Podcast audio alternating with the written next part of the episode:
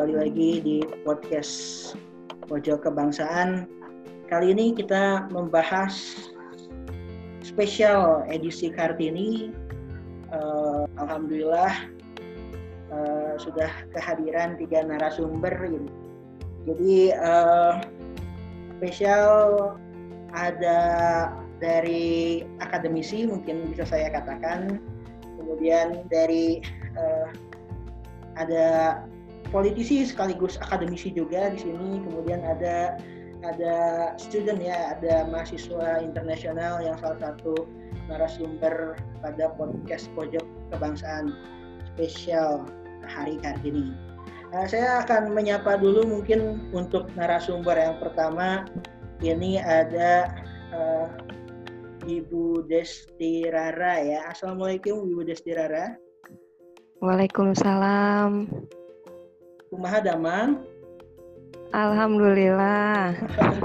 Semoga sehat sekeluarga di Amin, Cimahi. amin ya rabbal Ya. Salam ya. ya. Jadi Bu Desti Rara ini beliau adalah uh, tenaga ahli DPRD Kota Cimahi untuk para pendengar podcast sekaligus uh, salah satu dosen ya di perguruan tinggi swasta di Bandung. Jadi nanti kita akan membahas perempuan dari perspektif politik ini ahlinya Ibu Desti Rara. Gitu. Terima kasih ya Bu Desi sudah mau datang atau waktunya diganggu di podcast pojok. Sama-sama ya. Halo ya okay. Mbak Nanda, Ibu Novita. Sekarang uh, narasumber yang kedua itu ini ada uh, wah ini kawan lama saya ini. Ibu Novita Rizka. Assalamualaikum Ibu Novita. Waalaikumsalam. Sehat Ibu Novita? Sehat, Alhamdulillah. Oh iya. Oh, semoga sehat selalu keluarga di Lampung sana ya. Di tengah pandemi. Ya. Oke, ini. Ya, alhamdulillah sehat, sehat aja.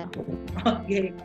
Ibu Novita Rizka ini beliau adalah salah satu dosen di Universitas Bandar Lampung ya, swasta di sana ya?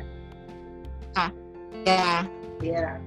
Jadi beliau ini salah satu dosen akademisi nanti mungkin akan menjelaskan uh, sama terkait Kartini dalam perspektif uh, akademik dan lain sebagainya. Terima kasih Ibu Nafita Rizka atas waktunya. Oke nampaknya ini agak sedikit gangguan uh, sinyal ya Bu Novita. Ya nggak apa-apa kita kita berjalan aja langsung. Uh, kemudian ada narasumber yang ketiga ini uh, ada wah ini teteh yang sedang menempuh studi jauh di Jepang ya. Terima kasih. Ini ada Teh Nanda Dwimar. Ya, Assalamualaikum Kang Fajar. Waalaikumsalam warahmatullahi wabarakatuh. Sehat Teh? Alhamdulillah sehat. Cuman lagi genting-gentingnya corona ini. okay. Semoga semua sehat yang ada di Indonesia. Iya, alhamdulillah di sini sedang uh, apa pembatasan sosial berskala besar. Hmm. Sedang pada stay at home. Nah, ya. Semoga cepat berlalu ini. Amin, amin ya robbal alamin. Semoga sukses juga studinya di sana dan Anda lancar ya. Jadi ya terima kasih Teh Nanda ini uh, mahasiswi dari aduh bentar saya baca dulu CV-nya. Uh, takut salah salah nyebutin nama nih. Bahaya nih kalau salah nyebutin nama. Teh Nanda ini oh mahasiswi Nagoya Institute of Teknologi Jepang ya, Teh Nanda. Ya. Ya betul Kang Fajar. Salam kenal buat Ibu Nopi sama Ibu Desti. iya. Salam kenal ya. Terima kasih Nanda.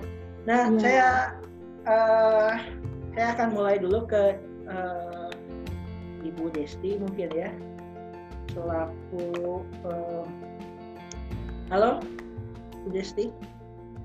Ya, halo Pak. Uh, nah ini kita kan uh, spesial hari Kartini nih Bu Desti. Uh, ya. Menurut Ibu Desti, uh, sosok Kartini itu seperti apa sih Bu Desti? Iya, makasih Pak Fajar. Assalamualaikum warahmatullahi wabarakatuh. Waalaikumsalam. Um, Kartini ya Pak. Jadi menurut saya nih uh, berbicara pahlawan kita Raden Ajeng Kartini itu pasti uh, masyarakat apa ya mengidentifikasikannya dengan apa emansipasi wanita gitu kan? Ya, emansipasi wanita itu apa sih gitu? Emansipasi itu kan menurut kamus besar itu pembebasan diri. Maksudnya mungkin pada saat itu pembebasan diri dari perbudakan ingin menyetarakan hak-hak perempuan juga gitu. Menurut saya saya bangga gitu. Saya bangga punya pendahulu seperti Raden Ajang Ibu Kartini gitu. Iya. Seperti lalu dan ya ya gimana gimana Bu Uh, ya apalagi sekarang kan uh, alhamdulillah perempuan sudah di bukan diakui ya dibutuhkan ya di politik itu kan ada keterwakilan perempuan.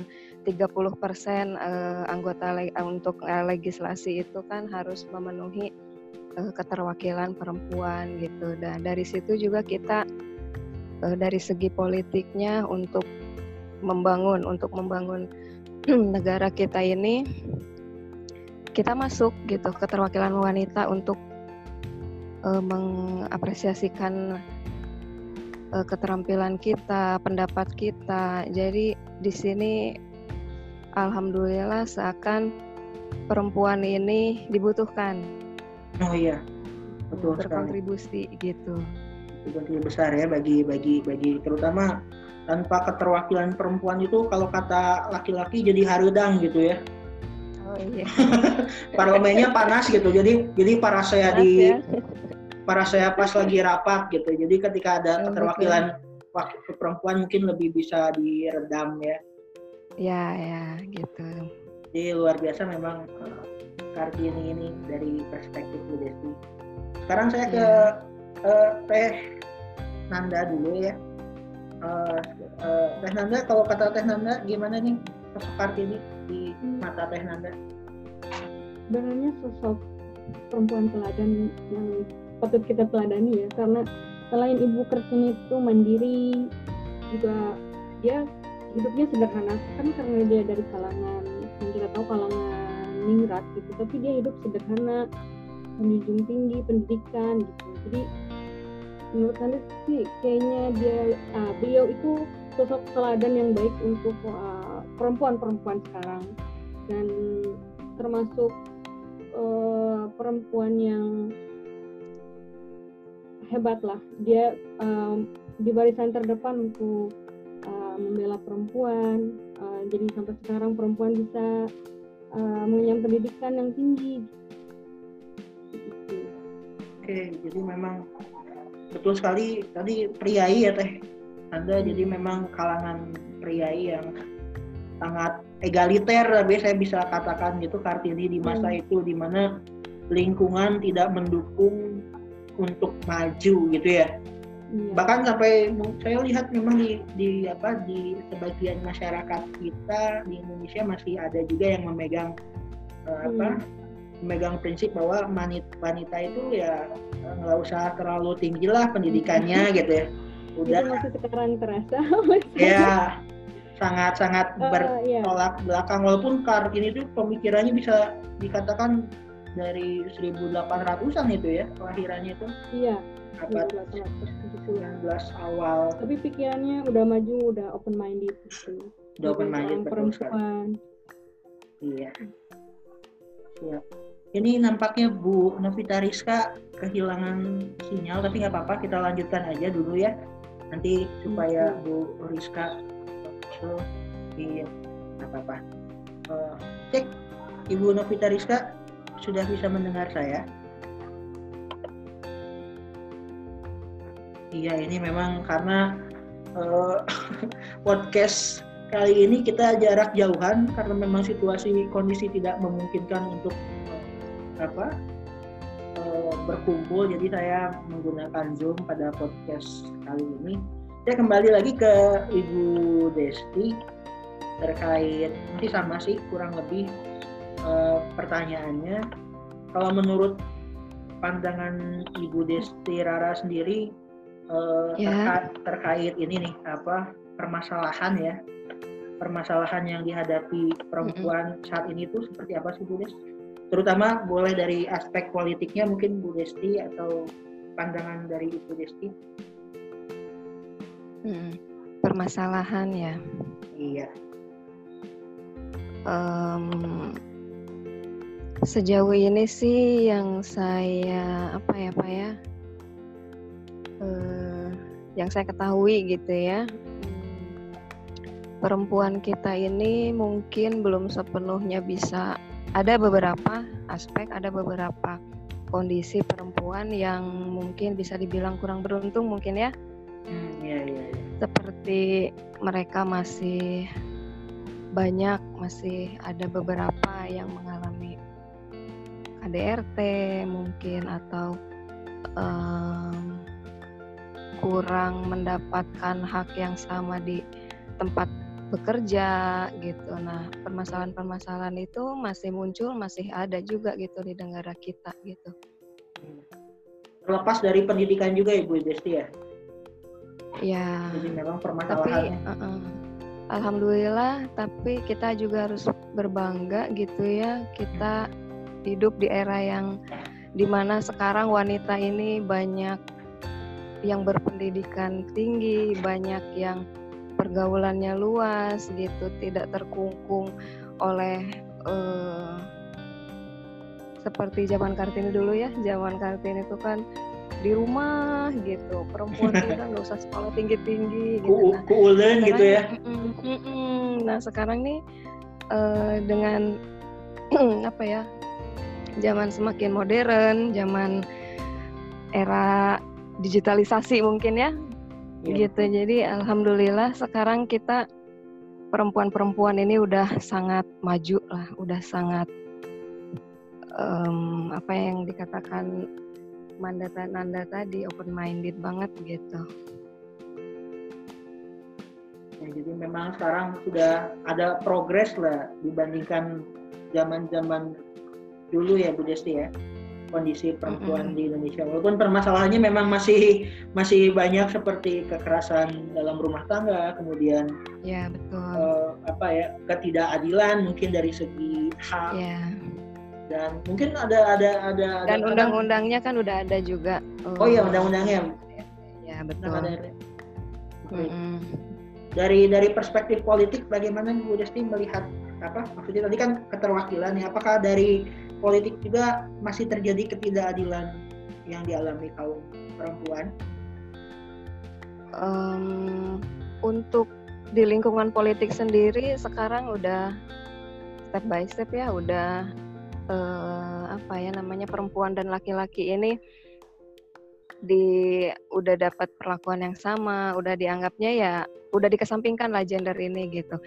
Eh, juga dengan adanya Permendagri tentang pengaras utamaan gender, di situ juga ada diatur eh, bagaimana laki-laki dan perempuan, sebagaimana laki-laki dan perempuan itu adalah warga negara gitu. Jadi hak-haknya pun sama, tidak melihat itu laki-laki harus haknya ini, perempuan haknya ini tidak gitu. Dari situ aja kita udah ada apanya ya, udah ada pedomannya gitu bahwa kita lah perempuan punya hak yang sama sebagai warga negara kita eh, tidak lagi dibeda-bedakan lebih didengar lah suaranya mungkin saya bisa katakan seperti itu Betul, betul. Ya. Oke. Sekarang saya ke Teh Nanda ini eh, mengenai sama permasalahan terutama eh, permasalahan perempuan seperti apa sih di pandangan Teh Nanda sekarang terutama di Indonesia deh kalau di- dibandingkan dengan di Jepang gitu ya mungkin bisa terlihat situasi kondisinya kulturnya berbeda kan? Seperti apa kalau dari pandangan? Eh, terlepas dari stigma masyarakat pasti ya kita pasti masyarakat kita eh, masih ada gitu yang menganggap kalau perempuan eh, hanya sebatas kodratnya saja. Eh, tanda kutip kodratnya itu di rumah mengurus suami dan mengurus anak gitu tapi Hmm. eh, terlepas dari itu sebenarnya permasalahan perempuan yang dihadapi Indonesia itu dari perempuan itu sendiri kadang. Jadi uh, menurut Nanda sih kadang perempuan itu menganggap dirinya yang tidak mampu gitu untuk uh, uh, membuka dirinya dengan dunia luar atau misalnya ketika kita mau melangkah maju, eh perempuan lainnya bilang, eh janganlah gitu. Jadi kadang hmm. permasalahannya itu mungkin permasalahan sekarang lebih ke diri perempuannya itu sendiri. Ini iya, sebagi iya. sebagian dari perempuan. Kalau dari sekarang, cuman kalau dari pemerintah mungkin uh, benar kata Ibu Desti, uh, peraturan-peraturan undang-undang juga udah pro gitu ke uh, perempuan, perempuan ya? itu sendiri ya. Cuman iya. datang dari diri masing-masing sebenarnya. iya, memang betul sekali. Kadang-kadang kadang meremehkan juga nih pekerjaan ibu rumah tangga ya. Saya melihat di di Indonesia ini masih memandang apa ya sebelah mata gitu. Ketika itu kan pekerjaan yang berat sekali kalau menurut saya. Saya sendiri iya. pernah gitu ya membantu urusan uh, rumah tangga. Wow, ini luar biasa ini pengabdian. Kalau saya ini pengabdian sepanjang masa gitu ya. Kadang malah pengabdian tersebut kadang masih kurang diapresiasi oleh uh, masyarakat kita gitu terkait pekerjaan ibu rumah tangga ini sangat berat ya. Maksudnya uh, ibu rumah tangga mengurus anak itu kan wah itu pengabdian sepanjang masa kalau dari sudut pandang saya. Cuman kadang stig stigma ya seperti itu ya. Iya. Dan sebenarnya jadi ibu rumah tangga itu kan kita harus punya wawasan biar mendidik anak itu dengan baik jadi mm-hmm. tidak salah didik jadi penerus-penerus bangsa akan lahir dengan ibu-ibu yang hebat gitu. Jadi cara mendidiknya seperti apa kan kita butuh pendidikan butuh pengalaman hidup. Tidak mm-hmm. hanya di dunia pendidikan formal maupun informal. Iya ya luar biasa sekali uh, ini uh, narasumber kita ini perspektifnya membuka para pendengar podcast. Nanti saya akan share ini sebetulnya podcast ini ke teman-teman mahasiswa untuk didiskusikan terutama terkait gender dan feminisme gitu ya. Jadi dalam aspek uh, apa kajian ilmu sosial itu ada ada aliran pemikiran feminisme yang kadang suka bertentangan gitu di terkadang bertentangan dengan nilai-nilai agama tertentu gitu dengan sistem sosial tertentu. Tapi ini menarik dikaji kalau kita perbincangan dalam forum akademik seperti ini atau ya kita bisa katakan podcast uh, sharing ya pandangan perspektif seperti itu. Sekarang saya ke Bu Novita Rizka kayaknya nampaknya lagi agak sulit uh, mendapatkan sinyal. Uh, saya kembali lagi aja dulu ke uh, Ibu Desti Rara ini uh, pertanyaannya. Saya untuk Bu Desti Rara ini uh, kalau menurut Bu Desti emansipasi saat ini itu apa sih yang harus dilakukan gitu terlepas dari tadi ya uh, kan kalau yeah. Iya. uh, kalau kartini dari surat menyurat tuh asalnya kalau saya baca sejarahnya memang saya pemikiran-pemikirannya di uh, surat menyurat dia dengan rekannya di uh, negeri Belanda sana akhirnya di apa di, di dijadikan kumpulan. Uh, ya seperti yang dikatakan uh, Nanda tadi, hmm, terkadang kan permasalahan muncul dari perempuan itu sendiri ya gitu. Jadi ya menurut saya dari sosok uh, Kartini saja kita udah bisa menilai bahwa wanita ini adalah wanita yang tangguh dan juga yang utama kan berani ya gitu. Iya. Nah, uh, jika berbicara bagaimana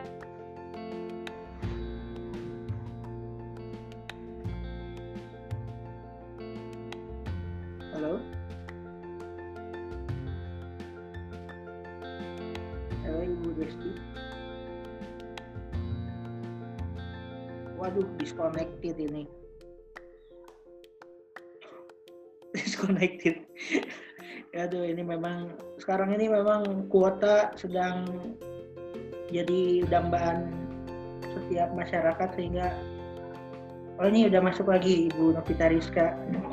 Uh, halo Ibu Novita Rizka. Cek.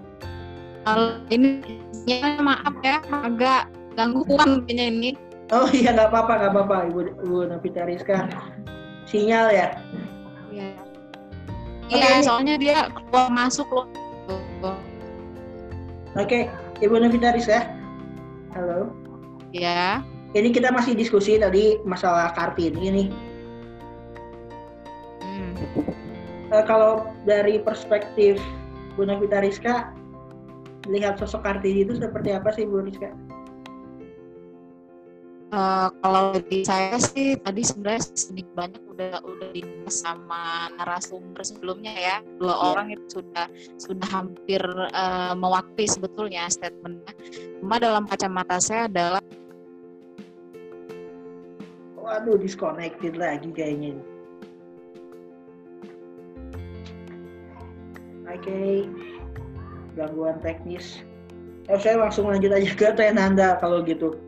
Sambil menunggu. Eh, udah masuk lagi ya? Bentar, sebentar, sebentar. Mohon maaf ya. Karena eh, kendala teknis memang di luar prediksi. Halo Ibu Rizka, suara saya kedengaran masih?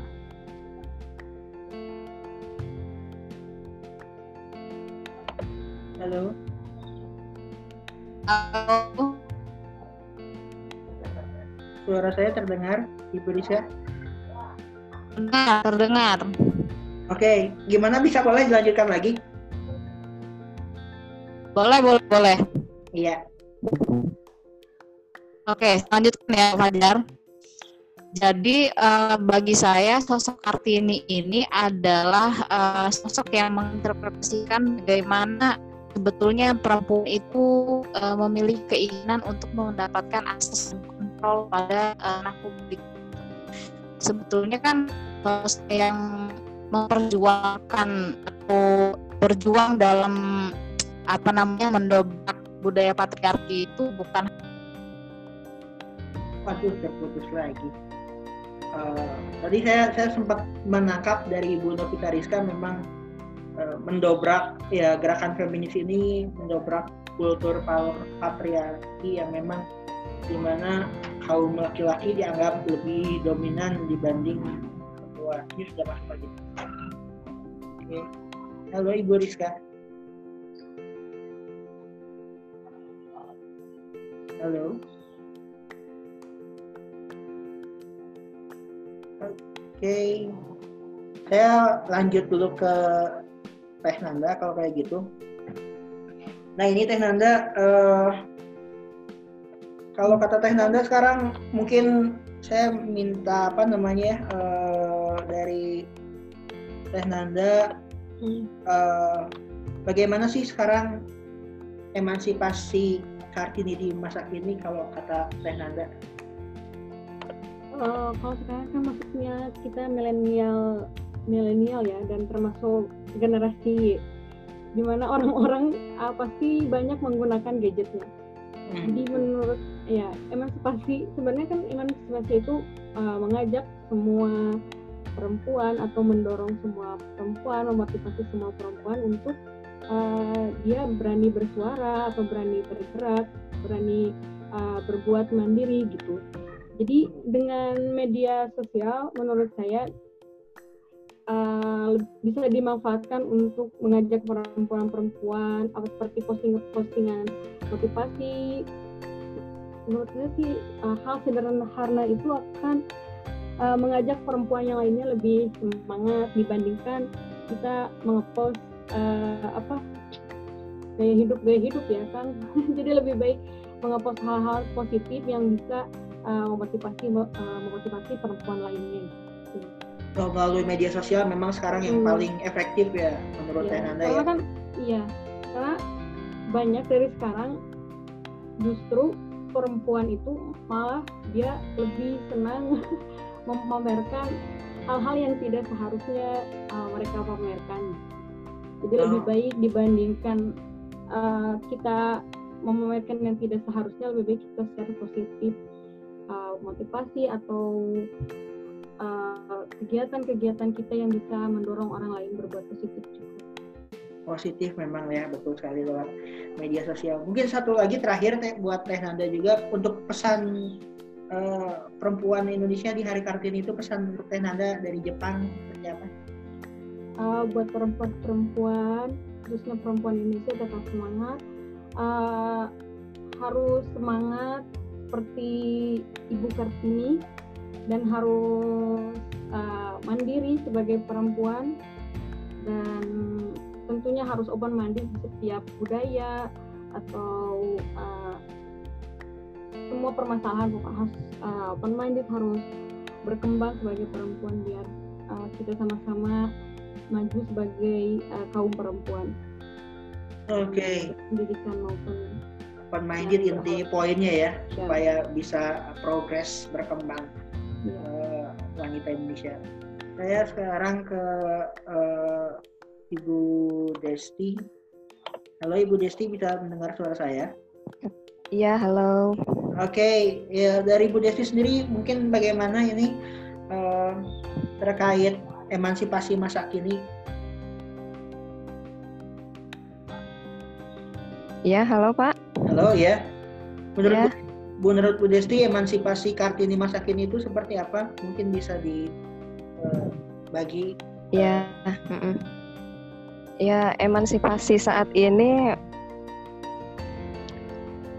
Alhamdulillah ya seperti yang kita bicarakan tadi ya di kita di dunia pendidikan, di dunia politik, di dalam bermasyarakat, perempuan dan eh, laki-laki ini udah nggak ada lagi apa ya istilahnya perbedaan apa ya perlakuan mungkin ya pak ya lebih yeah. ke iya. situ gitu.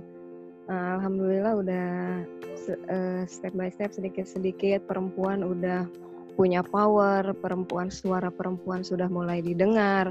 Banyak juga perempuan-perempuan di dunia ini yang udah mulai dia pengaruhnya besar gitu. Saya bangga menjadi perempuan sih. Iya.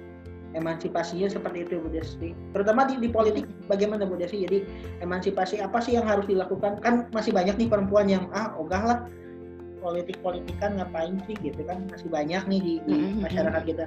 Kalau kata Bu Desti gimana? Nah, uh, nah dengan adanya aturan keterwakilan perempuan ini kan sebenarnya ini adalah gerbang gitu, gerbang kita untuk menyuarakan apa sih permasalahan kita sebagai perempuan gitu. Nah di sini ada wadah gitu, apalagi kalau kita menjadi seorang legislasi, legislator itu kan kita punya wewenang di situ, uh, punya power di situ untuk merubah apa itu dari uh, merubah sebuah perda atau mungkin kita membuat perda baru tentang perempuan gitu. Nah, di sini kalau tidak ada perempuan yang ikut andil dalam politik uh, sepertinya sulit juga gitu. Bagaimana kita akan didengar, bagaimana kita akan melakukan perubahan gitu jika perempuan-perempuan ini ogah ah gitu kan kita iya. main-main aja lah gitu menurut saya. Kita ngegosip aja biasanya gitu ya. Nah gitu. Daripada gibah mendingan kita menyuarakan pendapat yang positif kan gitu. Kalau kata ini mah ngegibahin pemerintah aja nggak apa-apa ya. Nah iya nggak apa-apa. Asal positif efeknya kan kritik gitu. ya oke. Okay. Terima kasih. Sama pesan mungkin terakhir Bu Desti untuk perempuan Indonesia di Hari Kartini. Um, pesan ya, uh, saya melihat perempuan Indonesia ini kan udah, alhamdulillah udah lebih maju lagi, lebih maju lagi gitu. Banyak perempuan yang ingin uh, melanjutkan studi setinggi tingginya gitu kan. Dengan begitu wawasan pun luas gitu, pergaulan luas, wawasan luas gitu. Tapi pesan saya selain kita menjadi perempuan yang mandiri, yang pintar gitu dan juga harus berani gitu.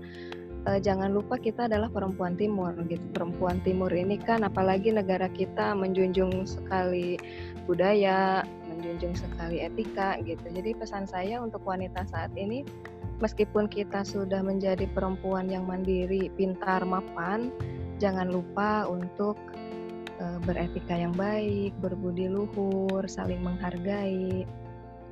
Itu sih menurut saya. Sesuai norma ketimuran ya? Ya, iya. Norma sekarang ini kan udah agak luntur-luntur menurut saya gitu. Betul sekali Bu Desti merasakan kondisi seperti ini. ya Iya, tapi jangan juga mengesampingkan tugas kita sebagai perempuan, apalagi untuk perempuan yang sudah berumah tangga mungkin ya. betul E, betul Menurut agama juga kan kita perempuan tugasnya apa?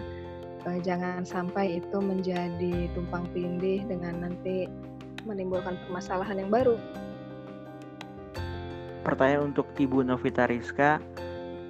Kalau menurut Ibu Novita Rizka sendiri, sosok Kartini itu seperti apa?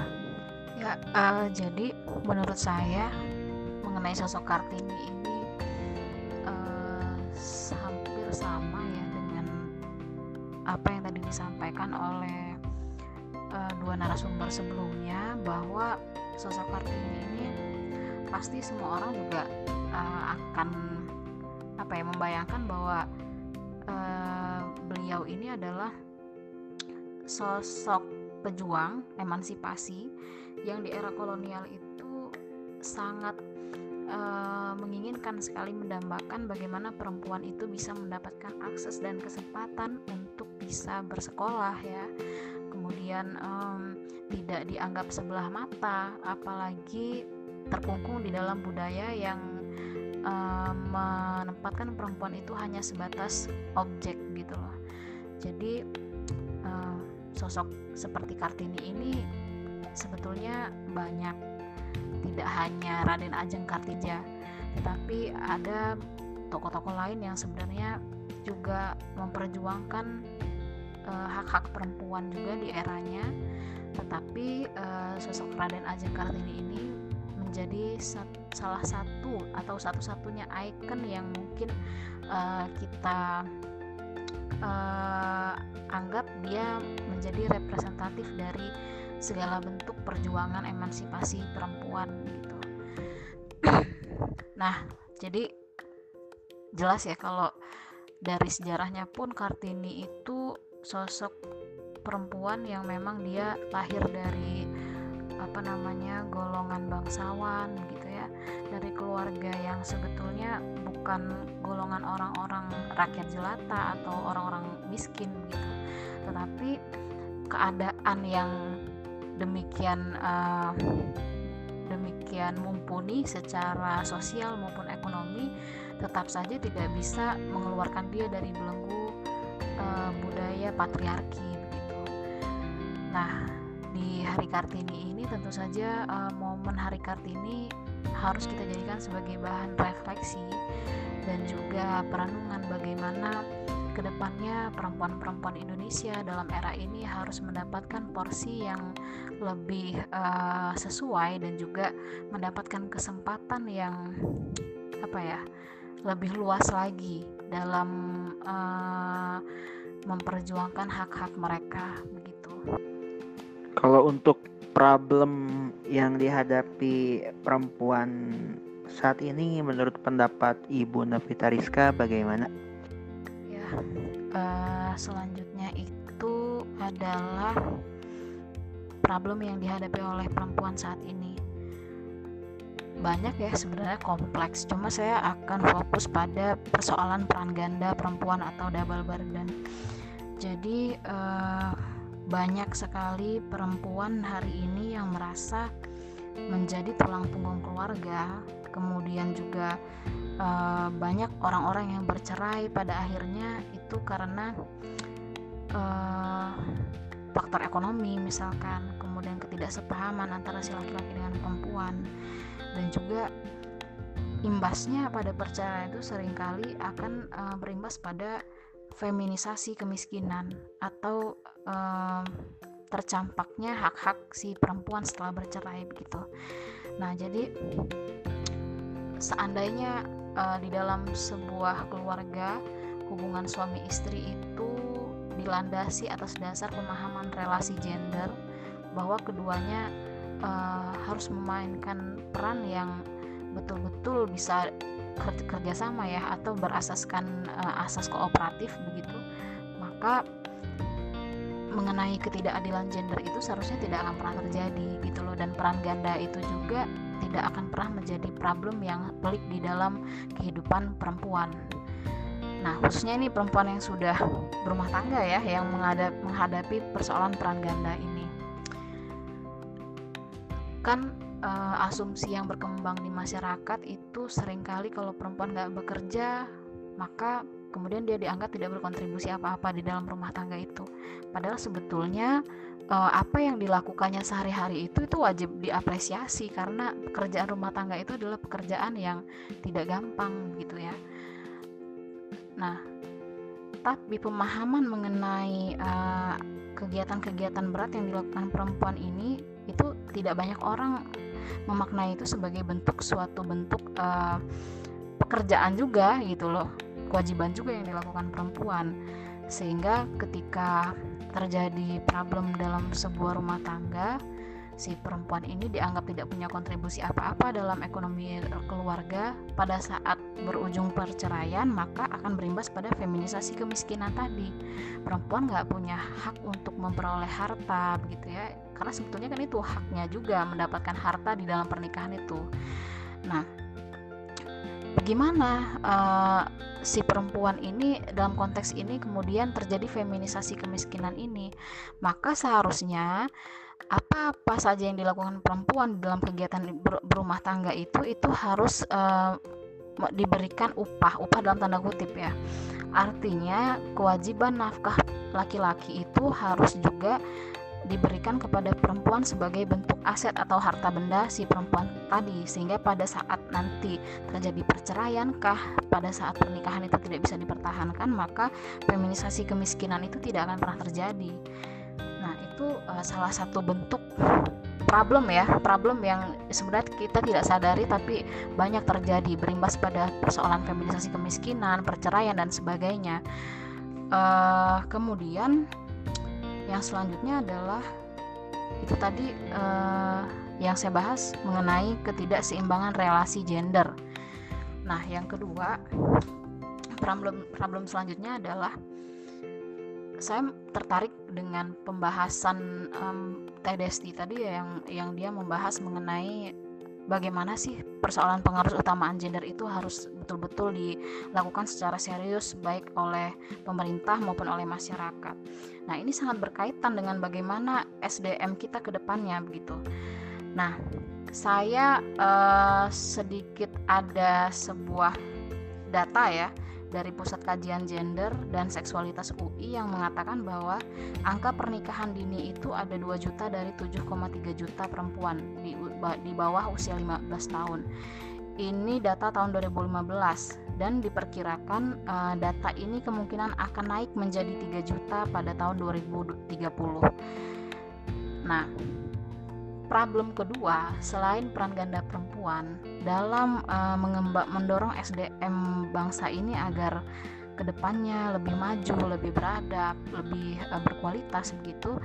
Problem angka pernikahan dini ini juga menjadi suatu permasalahan gitu loh bagi Indonesia hari ini. Karena uh, pernikahan di usia dini itu akan berimbas pada putus sekolah ya. Orang yang sudah putus sekolah kemudian uh, dia secara masa depan juga ya nggak punya jaminan apa-apa gitu kan. Kem kemudian juga orang yang menikah dini itu secara produktivitas uh, reproduksinya juga kan belum saatnya. Sehingga akan berimbas juga pada problem kesehatan reproduksi perempuan. Makanya angka pernikahan dini itu juga punya korelasi dengan bagaimana uh, tingginya angka kematian karena kanker rahim juga itu imbas dari angka pernikahan dini ini ya begitu. Kemudian eh, apa hubungannya dengan pengurus utamaan gender kalau kita menyepakati bahwa kita ingin SDM kita ini ke depan ya baik perempuan maupun laki-laki sama-sama membangun bangsa ini dengan uh, serius dengan baik begitu maka SDM-nya juga harus baik sehingga SDM itu yang menentukan adalah angka bagaimana tingginya kesadaran orang untuk uh, mengenyam pendidikan untuk lebih tinggi lagi. Sementara angka putus sekolah bagi perempuan itu sangat banyak gitu loh.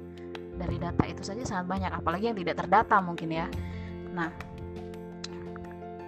perempuan itu kan se menjadi sebuah aset yang kemudian nanti di suatu hari melahirkan generasi-generasi yang menjadi sumber daya manusia Indonesia ini ke depan. Jadi kalau angka pernikahan dini ini tidak ditekan, tidak serius ditangani oleh pemerintah, maka juga akan berimbas kepada kualitas SDM kita ke depan gitu. Jadi bagaimana eh, meneruskan perjuangan Kartini masa kini kalau pendapat Ibu Rizka? Nah, kalau persoalan bagaimana sih meneruskan perjuangan Kartini era ini. Jadi uh, yang harus dipersepsikan adalah perempuan itu nggak melulu ya apabila dia ingin berkiprah di dalam masyarakat itu nggak melulu dia harus jadi dokter dia harus jadi guru dia harus berseragam dia harus jadi PNS dia harus jadi pejabat pokoknya segala bentuk uh, pekerjaan-pekerjaan yang dianggap formal pulang pergi kantor gitu itu nggak harus seperti itu sebetulnya. Bahkan ibu rumah tangga pun hari ini bisa menopang kehidupan keluarganya apabila ya uh, si ibu rumah tangga ini bisa pandai mencari peluang apalagi memanfaatkan sosial media apa media sosial hari ini ya. Begitu banyak kok ibu-ibu rumah tangga yang kemudian dia uh, punya skill bisa apa namanya uh, usaha-usaha kuliner ya wirausaha wirausaha kuliner atau kerajinan tangan atau memproduksi apa gitu ya. Yang kemudian dari usaha kecil menengah ini ini yang bisa uh, membuka peluang untuk banyak orang bisa bekerja, bisa dipekerjakan, bisa diberdayakan, bisa mendapatkan penghasilan. Sehingga bagi saya uh, perempuan Indonesia itu harus tetap berkarya apa pun caranya walaupun dari rumah pun sebenarnya masih bisa berkarya hari ini jadi jangan dipersepsikan bahwa Kartini hari ini tuh harus uh, duduk di apa namanya jabatan politik atau mungkin pos-pos uh, jabatan yang lainnya nggak harus seperti itu sebab peran anda di dunia publik itu bisa dimulai dari rumah anda sendiri pesan-pesan terakhir untuk perempuan Indonesia dari Ibu Rizka spesial Hari Kartini? Kalau untuk pesan uh, buat perempuan Indonesia hari ini uh, di tengah-tengah pandemi corona ya yang juga berimbas pada kondisi perekonomian kita, kesehatan kita.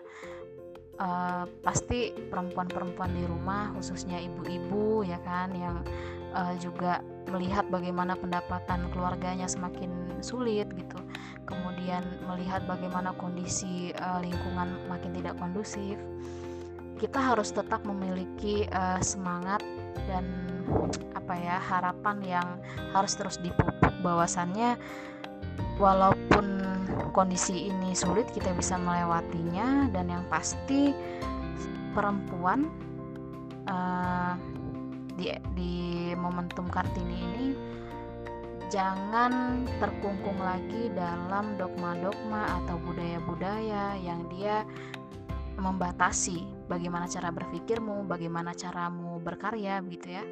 Jadi harus terus open minded dan tidak boleh lagi ada perempuan-perempuan yang punya uh, pesimistis di dalam menghadapi kehidupan kita ini ke depan begitu saya mau meminjam salah satu kalimat dari Ibu Atalia Ridwan Kamil ya Ibu Gubernur Jawa Barat yang pada tahun 2015 sempat saya undang di kegiatan saya di uh, kota Bandung pada mas masa saya masih jadi aktivis di himpunan mahasiswa Islam jadi uh, kalimatnya adalah perempuan ya tangan kanan menggendong anak, tangan kiri menggetarkan dunia. Jadi perempuan, uh, Anda harus tetap optimis dan insya Allah kita ke depannya akan menjadi bangsa yang besar melalui tangan-tangan perempuan Indonesia yang melahirkan generasi-generasi yang unggul. Itu aja dari saya.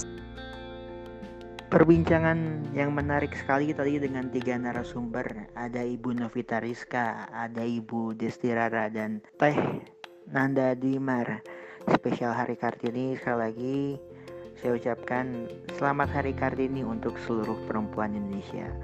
Wabillahi taufiq wal hidayah. Assalamualaikum warahmatullahi wabarakatuh.